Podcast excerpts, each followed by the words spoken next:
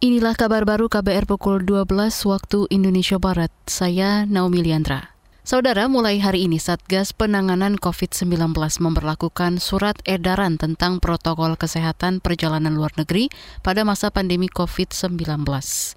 Juru bicara Satgas Penanganan COVID-19 Wiku Adhisa Smito mengatakan, SE itu antara lain mengatur tidak akan ada lagi pemberian dispensasi atau keringanan untuk karantina para pejabat yang baru pulang dari luar negeri.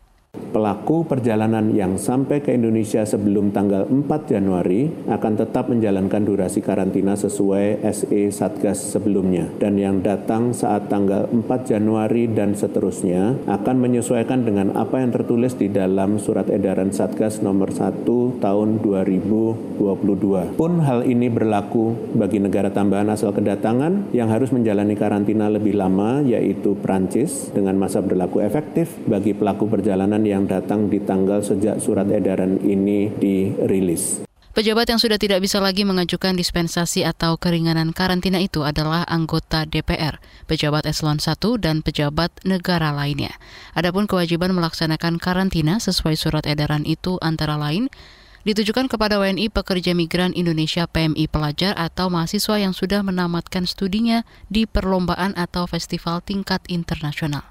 Mereka semua ini wajib menjalani karantina terpusat dengan biaya ditanggung pemerintah. Sedangkan bagi WNI di luar kriteria tadi, wajib menjalani karantina di tempat akomodasi karantina terpusat dengan biaya sendiri.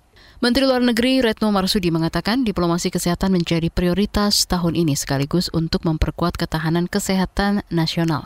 Retno juga menyebut pandemi COVID-19 menjadi pelajaran bagi Indonesia guna memperbaiki ketahanan kesehatan baik skala nasional maupun global. Pandemi COVID-19 mengajarkan kita untuk memperbaiki ketahanan kesehatan nasional dan global. Kerjasama jangka panjang diperlukan termasuk untuk memperkuat infrastruktur kesehatan nasional maupun distribusi kesehatan baik obat-obatan maupun vaksin. Indonesia harus mampu memproduksi vaksin sendiri dan dapat menjadi hub produksi vaksin di kawasan. Menlu Retno Marsudi menambahkan di masa depan Indonesia harus mampu membuat obat COVID-19 sendiri, sekaligus memenuhi kebutuhan bahan baku obat dalam negeri. Untuk itu, Indonesia turut aktif mendorong pengembangan riset dan jejaring manufaktur vaksin melalui Koalisi Inovasi Kesiapsiagaan Epidemi. Menlu juga menuturkan, arsitektur kesehatan dunia juga harus diperkuat supaya dunia lebih siap menghadapi ancaman pandemi apa pun di masa depan. Ketua Umum Persatuan Wartawan Indonesia PWI Pusat atau SD Pari selaku penanggung jawab Hari Pers Nasional menganulir penghargaan anugerah kebudayaan PWI yang bakal diterima Wali Kota Bekasi Rahmat Effendi. Penganuliran diputuskan PWI sesudah Wali Kota Bekasi itu terjaring operasi tangkap tangan OTT oleh Komisi Pemberantasan Korupsi KPK Rabu lalu.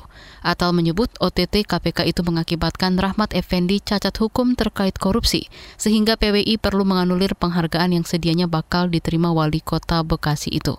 PWI menegaskan akan tetap memberikan penghargaan anugerah kebudayaan PWI kepada sembilan bupati dan wali kota lainnya saat Hari Pers Nasional di Kendari, Sulawesi Tenggara, Februari nanti.